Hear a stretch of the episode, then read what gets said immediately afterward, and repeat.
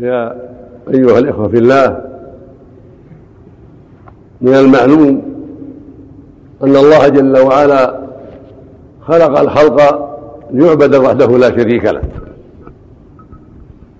وأرسل الرسل وأنزل الكتب لبيان هذه العبادة التي خلق الناس لها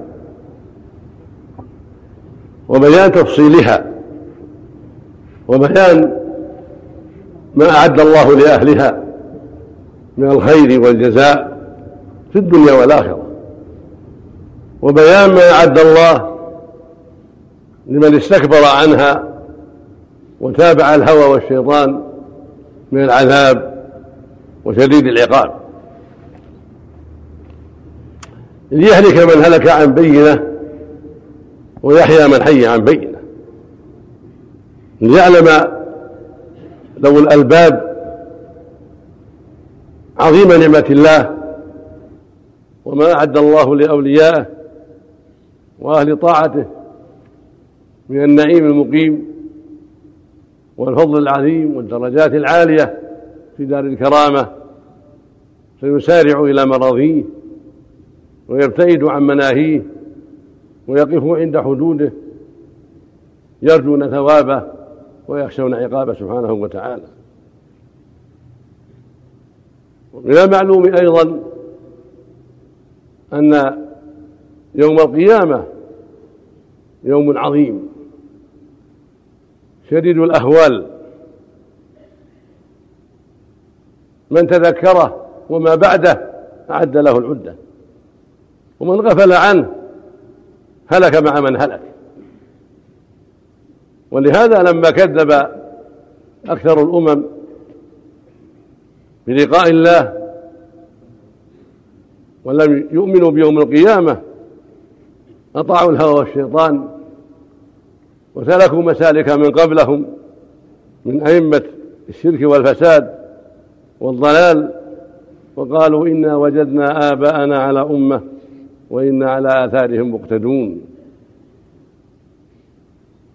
ولم ينصاعوا لدعاة الهدى ولم يستجيبوا لدعاة الحق وآثروا الهوى على الهدى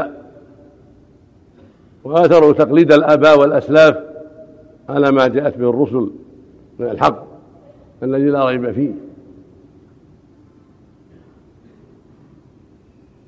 فالرسل عليهم الصلاة والسلام بعثهم الله لينبه الناس على هذا الأمر العظيم وليوضحوا لهم أنهم لم يخلقوا عبثا ولم يخلقوا سدى وإنما خلقوا ليوم عظيم لأمر عظيم وحكمة عظيمة ومعاد عظيم. فمن عرف ما خلق له واستجاب لدعوة الرسل واستقام على الطريق فاز يوم القيامة. ونجا من أهوال ذلك اليوم الشديد الأهوال. ومن كذب الرسل ولم يستجب لدعوة الحق هلك في ذلك اليوم العظيم وصار مع أصحاب الجحيم. نعوذ بالله من ذلك. يقول الله سبحانه وما خلقت الجن والإنس إلا ليعبدون. ما أريد منهم من رزق وما أريد أن يطعمون. إن الله هو الرزاق ذو القوة المتين.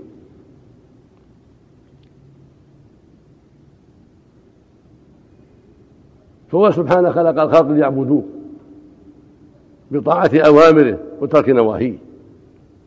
هذه العبادة. سميت طاعته وترك معاصيه عبادة لأنها تؤدى بالذل والخضوع والعبادة الذل والخضوع. تقول العرب طريق معبد لمذلل؟ هذا وطئة الأقدام. ويقولون بعير معبد مذلل قد رحل وشد وذلل لركوبه والحمل عليه. فالناس خلقوا ليعبدوا ربهم ليذلوا له ويستكينوا لعظمته مطيع للأوامر تارك للنواهي. وقفنا عند حدود سبحانه وتعالى. وما خلقت الجن والإنس إلا ليعبدون. يعني لم يخلقوا عبثا ولا سدى ولا لأمر آخر ليأكلوا ويشربوا أو ليتنافسوا في هذه الدار أو ليعمروها بالقصور أو بالأنهار أو بالنخيل والأشجار أو بغير ذلك من حاجات الدنيا وحضورها. وإنما خلقوا ليعبدوا ربهم الذي خلقهم ليعظموه وليؤمنوا بالآخرة ويعدوا لها عدتها.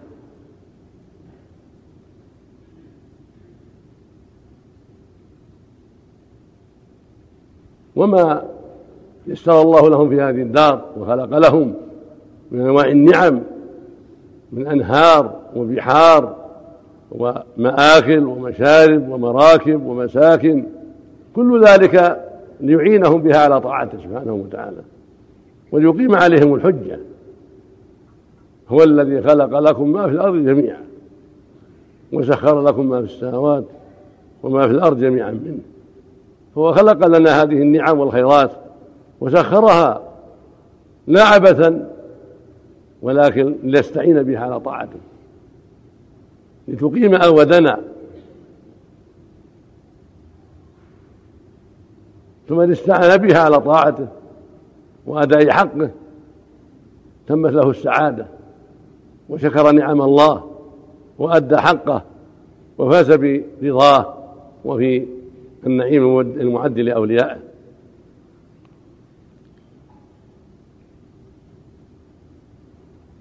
ونبه الناس في مواضع كثيرة من كتابه وعلى لسان رسوله عليه الصلاة والسلام لهذا اليوم ليوم القيامة ليوم الجزاء والحساب.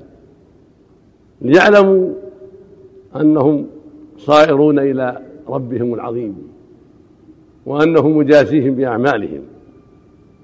فالواجب أن يعدوا العدة وأن يحذروا التفريط والإضاعة. وفي هذه الآيات وما خلقت الجن والإنس إلا ليعبدون. ما أريد منهم من رزق وما أريد أن يطعمون. إن الله هو الرزاق ذو القوة المتين. فإن للذين ظلموا ذنوبا ذنوب أصحابهم فلا يستعجلون. فويل للذين كفروا من يومهم الذي يوعدون. فنبه في نفس آخر الآيات على هذا اليوم. وأن هذه العبادة التي خلقوا لها لهم لهم فيها موعد. يجزون عليها ويفوزون بعاقبة الإحسان ويبوؤون بعاقبة الإضاعة وعدم الإعداد.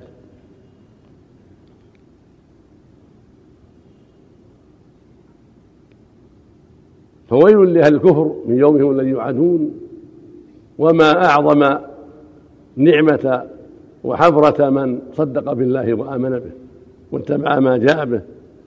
فإنه يفوز بالنعيم المقيم والحفرة والسرور في دار الكرامة. وبعث الرسل لهذا الأمر ولقد بعثنا في كل أمة رسولا أن يعبدوا الله واجتنبوا الطاغوت. فمنهم من هدى الله ومنهم من حقت عليه الضلالة. فسيروا في الأرض فانظروا كيف كان عاقبة المكذبين. وما أرسلنا من قبلك من رسول إلا نوحي إليه أنه لا إله إلا أنا فاعبدون. واسأل من أرسلنا من قبلك من رسلنا. أجعلنا من دون الرحمن آلهة يعبدون. فالرب عز وجل خلق الخلق ليعبد وحده لا شريك له وأرسل الرسل وأنزل الكتب لبيان هذا الأمر والدعوة إليه وتفاصيله وجزاء أهله. وهكذا قال في كتابه العظيم كتاب حكمت آياته ثم فصلت من لدن حكيم خبير ألا تعبدوا إلى الله. إنني لكم منه نذير وبشير. فهو ينزل لهذا الأمر العظيم. حكمت آياته ثم فصلت من لدن حكيم خبير. ألا تعبدوا إلى الله. قال عز وجل تنزيل كتاب من الله العزيز الحكيم. إنا أنزلنا كتاب الحق فاعبد الله مخلصا له الدين. ألا لله الدين الخالص. ثم منزل ليعمل به ليعبد الله وحده فاعبد الله مخلصا له الدين. ألا تعبدوا إلا الله.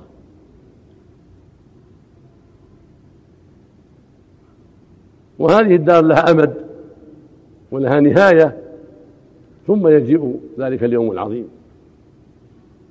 الذي يجب الإعداد له بطاعة الله واتباع شريعته والابتعاد عن مساخطه سبحانه وتعالى.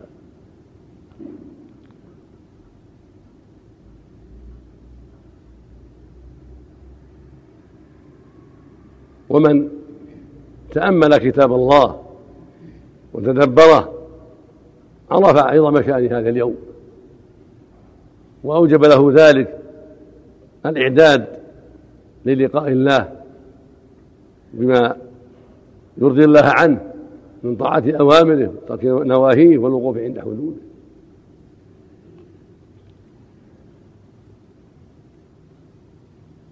وقد نبه على هذا سبحانه في أكثر كتابه أكثر آياته وما جاء به نبيه عليه الصلاة والسلام من الأحاديث. ليهلك من هلك عن بينة ويحيى من حي عن بينة. يقول سبحانه في أعظم سورة وفي أشرف سورة وهي سورة الفاتحة الحمد لله رب العالمين الرحمن الرحيم مالك يوم الدين. هذا يوم الدين يوم الجزاء والحساب. نبه عليه سبحانه وتعالى ليعد العاقل العدة لينتبه. حمد نفسه جل وعلا وأثنى على عليها بأنه رب العالمين وبأنه الرحمن الرحيم وبأنه مالك يوم الدين. فله الحمد سبحانه لكونه ربنا وإلهنا وخالقنا سبحانه وله الحمد لأنه الرحمن الرحيم. الذي وسعت رحمته كل شيء وكان بالمؤمنين رحيما وهو بهم رؤوف رحيم سبحانه وتعالى. وله الحمد لأنه مالك يوم القيامة مالك يوم الدين الذي فيه الجزاء والحساب فيه مجازاة الناس على أعمالهم من حكم عدل يجازي المحسن بإحسانه والمسيء بإساءته أو يعفو. فهو مالك يوم الدين هو مالك يوم القيامة هو الحكم العدل فالواجب أن تكون هذه المشاهد العظيمة على بالك.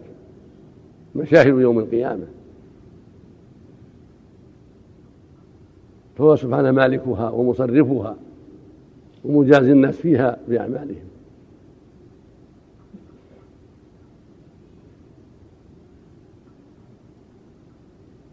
فيوم الدين هو يوم القيامة كما قال عز وجل وما أدراك ما يوم الدين ثم ما أدراك ما يوم الدين يوم لا تملك نفس لنفس شيئا والأمر يومئذ لله. ويقول سبحانه ولله ما في السماوات وما في الأرض ليجزي الذين أساءوا بما عملوا ويجزي الذين أحسنوا بالحسنى. وقد أقسم على هذا سبحانه. وبين لعباده ذلك في كتابه في مواضع كثيرة. وأمر نبيه يقسم على ذلك. ويستنبئونك حق. هو قل إي وربي إنه لحق وقال إن كانوا لا تأتين الساعة قل بلى رب قل بلى وربي لا تأتينكم.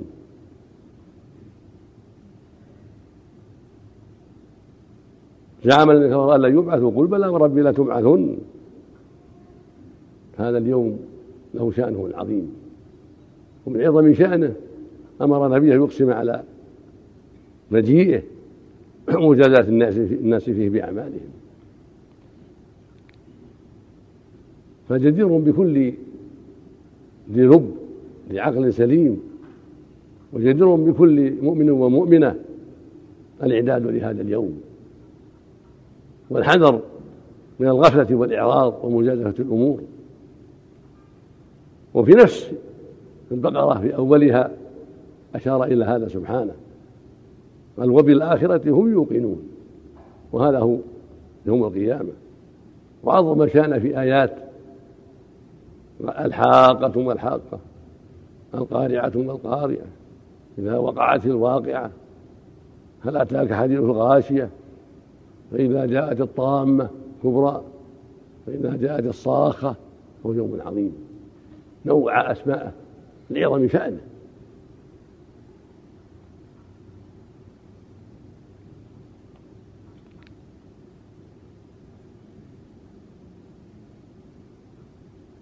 وهكذا في الأحاديث نبه على ذلك سبحانه عليه الصلاة والسلام فذكر ذلك في أركان الإيمان. في سؤال جبرائيل عليه الصلاة والسلام ما سأل عن الإيمان قال أن تؤمن بالله وملائكته وكتبه ورسله واليوم الآخر في الوقت الآخر والبعث الآخر فهو من أصول الإيمان. لا بد منه ومن أنكره ولم يؤمن فهو من أكثر الناس وأضلهم. ومن تساهل به وأعرض عنه وغفل عنه وقع في الخطر العظيم.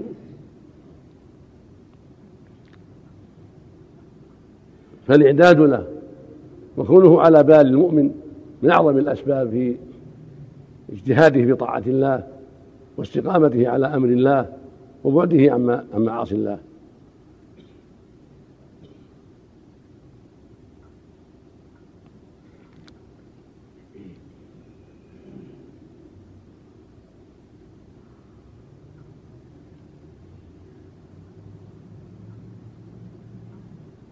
يقول عز وجل زعم أن لن يبعثوا؟ قل بلى وربي لتبعثون ثم لتنبؤن بما عملتم. تخبرون بما عملتم وذلك على الله يسير. فآمنوا بالله ورسوله والنور الذي أنزلنا والله بما تعملون خبير. ثم يقول سبحانه يوم يجمعكم ليوم الجمع. ذلك يوم التغابن. وهل هناك غبن أعظم من أن يكون هذا إلى الجنة وهذا إلى النار؟ ما هناك غاب أغلى من هذا اليوم. أن تكون مع أهل النار وغيرك إلى الجنة وقد يكون ذلك الغير ابنك أو خادمك أو من تحتقره في الدنيا هو إلى الجنة وأنت إلى النار ولا حول ولا قوة إلا بالله. هذا أعظم الغبن ليس هناك غبن أعظم من هذا. أن تساق إلى النار بأعمالك السيئة وأن يساق فلان وفلان وأنت تعرفهم. وأن وقد تعدهم من خدامك وقد تعدهم من الفقراء الذين لا تبالي بهم هم إلى الجنة والكرامة. بأعمالهم الصالحة وتقواهم لله وإعدادهم لهذا اليوم. وأنت بكبرك وإعراضك وغفلتك وإن كنت أميرا أو كبيرا تساق إلى النار. هذا هو الغبن العظيم. يوم يجمعكم يوم الجمع ذلك يوم التغابن ومن يؤمن بالله ويعمل صالحا يكفر عنه سيئاته. ويدخل جنات تجري من تحتها أنهار خالدين فيها ابدا. ذلك الفوز العظيم. والذين كفروا وكذبوا بآياتنا أولئك أصحاب النار خالدين فيها وبئس المصير.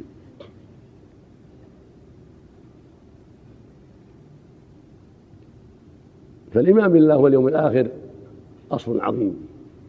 أصلان عظيمان. من أصول الإيمان من أصول هذا الدين. من أتقنهما واستحضرهما أدم عليه وجاهد نفسه لله واستقام على أمر الله وابتعد عن مساخطه سبحانه ومن غفل عنهما أعطى نفسه هواه وخسر غاية الخسران وباء بعظم الندامة. قال تعالى فأما من طغى وآثر الحياة الدنيا فإن الجحيم هي المأوى. وأما من خاف مقام ربه ونهى النفس عن الهوى فإن الجنة هي المأوى. قال تعالى يا أيها الناس اتقوا ربكم إن زلزلة الساعة شيء عظيم.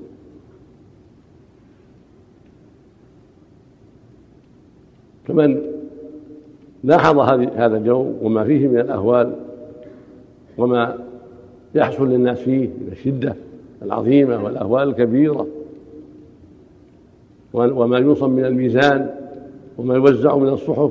هذا يعطى كتابه بيمينه وهذا يعطى كتابه بشماله. وهذا يثقل ميزانه بالحسنات وهذا يخف ميزانه بسبب كثرة السيئات. وهذا إلى الجنة وهذا إلى النار. من تذكر هذا اليوم أعد له عدته.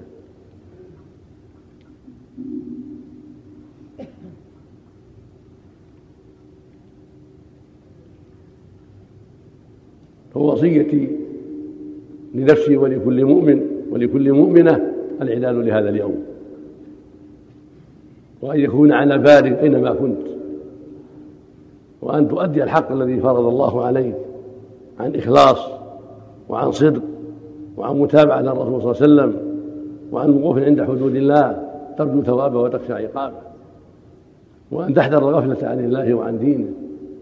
وأن تحذر طاعة الهوى والشيطان. في الصحيح في صحيح البخاري عن ابن عمر رضي الله تعالى عنهما. قال أخذ رسول الله ينكبي أخذ رسول عليه الصلاة والسلام ينكبي وقال كن في الدنيا كأنك غريب أو عابر سبيل. كن في الدنيا كأنك غريب أو عابر سبيل. المعنى أعد العدة. أعد العدة لآخرتك فالغريب وهو عابر السبيل إنما يهتم بالزاد الذي يوصله إلى مراده. وأنت مسافر أنت في هذه الدار مسافر. والنهاية يوم القيامة.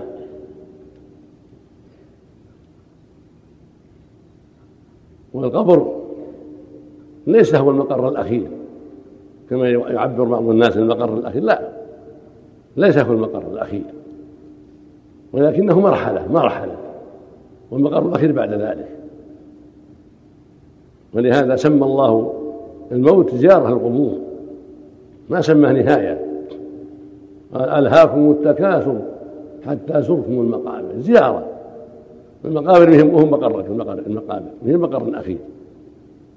ولكنها مرحلة.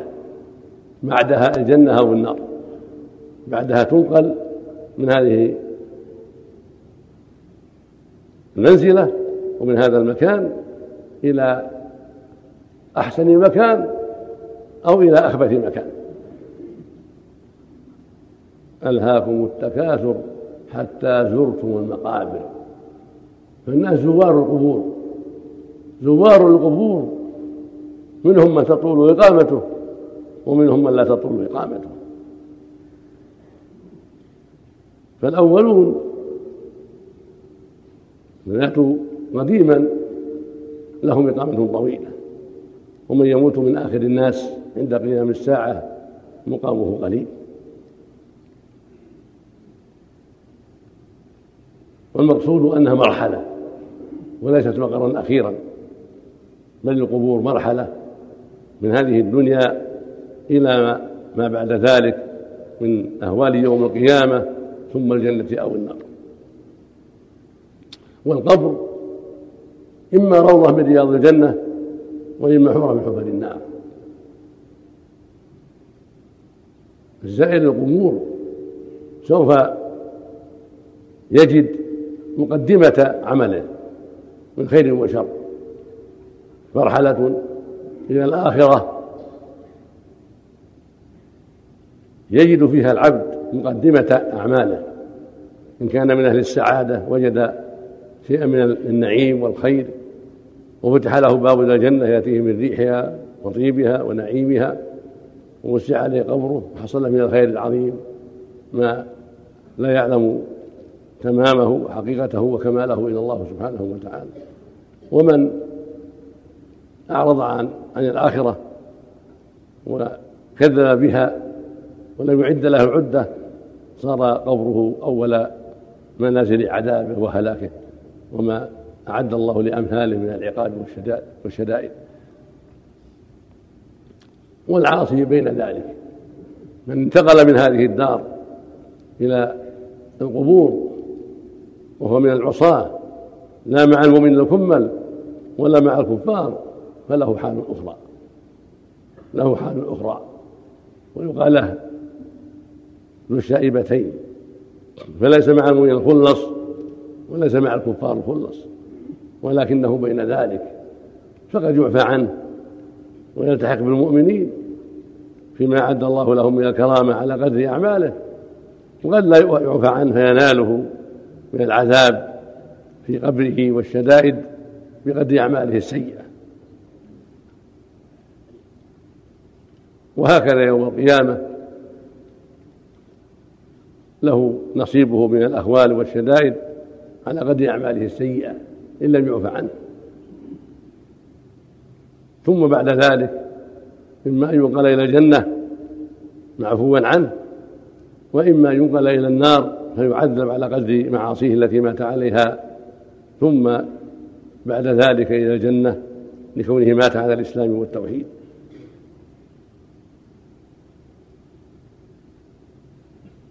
فالمقابر ليست مرحلة أخيرة ولكنها مرحلة قبل الأخيرة.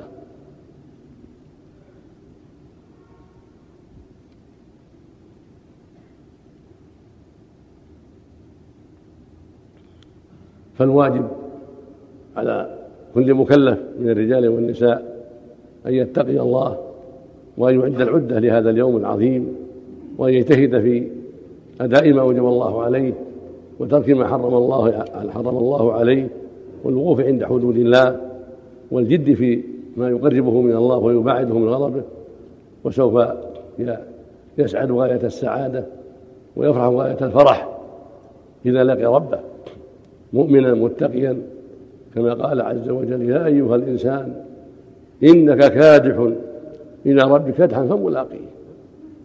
هو هو كادح عامل وهو ملاقي كدحه. وملاق ربه أيضا. كما قال عز وجل واتقوا الله واعلموا أنكم ملاقوه. قال فمن كان يرجو لقاء ربه فليعمل عملا صالحا. فالعبد ملاقي ربه.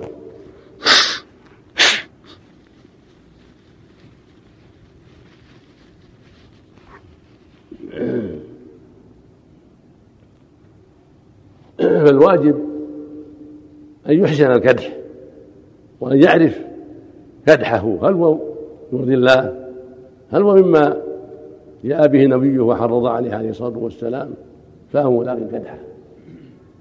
الكادح ملاق كدحة. فإما أن يكدح عملا يرضي الله وإما أن يكدح عملا يسخط الله. يا أيها الإنسان إنك كادح إلى ربك كدحا فملاقيه فأما من أوتي كتابه بيمينه فسوف يحاسب حسابا يسيرا. وينقلب إلى أهله مسرورا وأما من وأما من أوتي كتابه وراء وراء ظهره وراء ظهره فسوف يدعو ثبورا ويصلى سعيرا. فالواجب الحذر وأن تحسن الكدح وأن تزين كدحك بكلام الله وكلام رسوله. انظر فإن كان كدحك يوافق أمر الله ويوافق شرع الله فاحمد الله واستقم على هذا الكدح. وجاهد نفسك. والله يقول سبحانه والذين جاهدوا فينا لنهدينهم سبلنا. وإن الله لمع المحسنين. أما إن كان كدحك يخالف أمر الله. ويوافق طاعة الشيطان فبادر بالتوبة منه والإصلاح والرجوع إلى الله عز وجل. والله يتوب على التائبين. كما قال عز وجل يا أيها الذين آمنوا اتقوا الله ولتنظر نفس ما قدمت لغد. واتقوا الله إن الله خبير بما تعملون. فالواجب عليك أن تحاسب نفسك. وأن تنظر ماذا قدمت لآخرتك. حاسبها دائما. في ليلك ونهارك. في جميع تصرفاتك. لا تغفل. فإذا رأيت كأنك أنك قد أحسنت وأخذت في الإعداد الصالح وجاهدت نفسك لله فاثبت واحمد الله على ذلك. واسأله التثبيت والإعانة واستمر على الخير وصابر على ذلك واحذر قطع الطريق احذر قطع الطريق الذين يصدونك عن الخير ويدعونك إلى الباطل. واستعن بالله على ذلك واصحب الأخيار وسر في طريقهم حتى تلقى ربك. وإن كنت قد اقترف قد اقترفت سوءا وحدت عن الصواب فبادر بالتوبة. هذه فائدة الحساب. هذه فائدة النظر في أعمالك. فإذا عرفت أنك قد فرطت وأضعت وتساهلت أو ركبت بعض ما يغضب الله يغضب الله عليك فبادر بالتوبة. بادر بالإصلاح. والله يتوب على التائبين. كما قال عز وجل وتوبوا إلى الله جميعا. أيها المؤمنون لعلكم تفلحون. قال سبحانه وإني لغفار لمن تاب وآمن وعمل صالحا ثم اهتدى. هذه هي الفائدة العظيمة للمحاسبة لهذه النفس والجهاد لها. أن تعرف ما لك وما عليك وهل أحسنت أو أسأت وهل تزودت لآخرتك واستعددت لآخرة أم لا. فالغفلة طريق النار واليقظة والانتباه والمحاسبة طريق الجنة. فلتكن مع أهل اليقظة والمحاسبة والمجاهدة لهذه النفس واصبر على ذلك وتحمل ما فيه من المشقة فإنك سوف تجد الراحة وسوف تحمد العاقبة لأنك جاهدت هذه النفس حتى سرت على الطريق. وحتى لزمت الطريق. أما إن كانت الأخرى وهي الإضاعة والتفريط فما أعظم حسرتك وما أعظم ندامتك حين الموت ويوم القيامة ولا حول ولا قوة إلا بالله. أسأل الله لي ولكم التوفيق والهداية. وأسأله سبحانه أن يمنحنا وإياكم الصدق في العداد للقائه والاستقامة على أمره وأن يعيذنا وإياكم من شرور أنفسنا ومن سيئات أعمالنا. وأن يصلح قلوبنا وأعمالنا جميعا وأن ينصر دينه ويعلي كلمته وأن يوفق ولاة أمرنا وجميع ولاة أمر المسلمين لما فيه رضاه ولما فيه صلاح صلاح عباده وأن يوفق الجميع للاستقامة على دينه وتحكيم شريعته والتحاكم إليها والثبات عليها حتى نلقاه سبحانه. إنه سميع قريب وصلى الله وسلم على نبينا محمد وعلى آله وأصحابه وأتباعه بإحسان.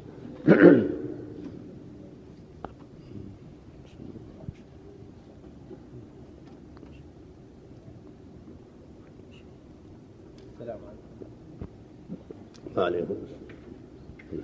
نعم الحمد لله رب العالمين. الحمد لله رب العالمين. والصلاة والسلام على أشرف الأنبياء والمرسلين. لا حول ولا قوة سيدنا محمد بن عبد الله صلى الله عليه وآله وسلم. أما بعد أحباب الكرام قام مركز الدعوة والإرشاد بالطائف.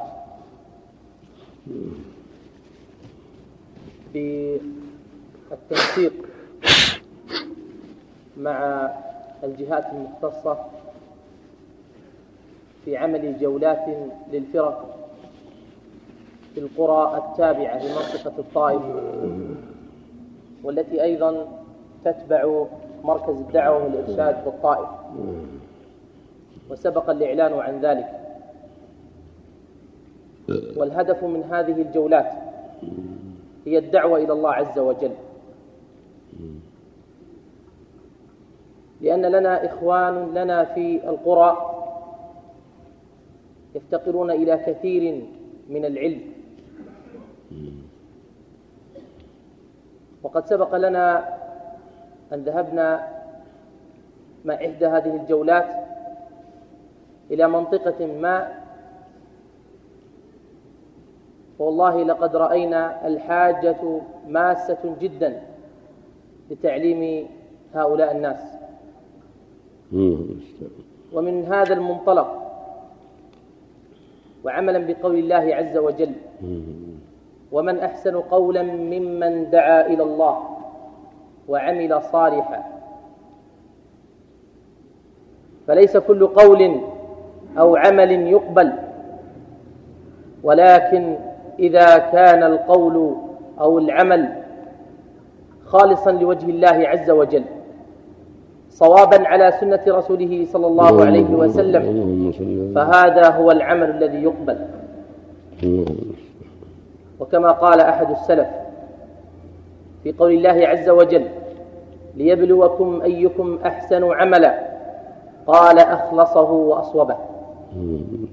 أي أن يكون العمل خالصا لله عز وجل صوابا على سنة محمد صلى الله عليه وسلم. هذا هو المبدأ الذي سنسير عليه إن شاء الله تعالى.